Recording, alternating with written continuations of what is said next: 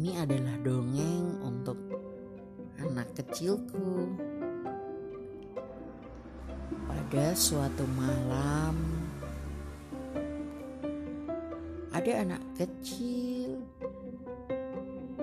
yang menunggu ibu dan ayahnya tidur bersamanya.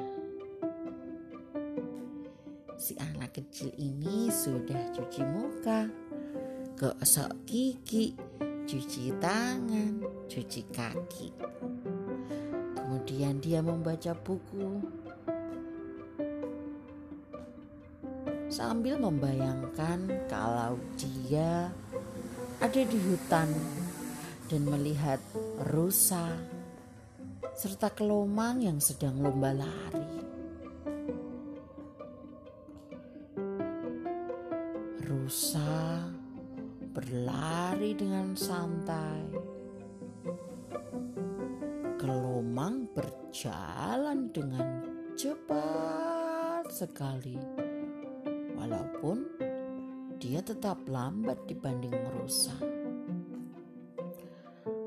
Karena rusa sombong, rusa kemudian tidur santai-santai. Gelombang semakin cepat dan sampai ke garis finish.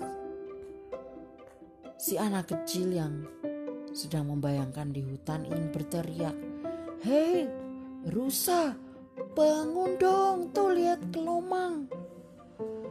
Akhirnya si rusa bangun loh karena dia mendengar banyak binatang-binatang yang berteriak.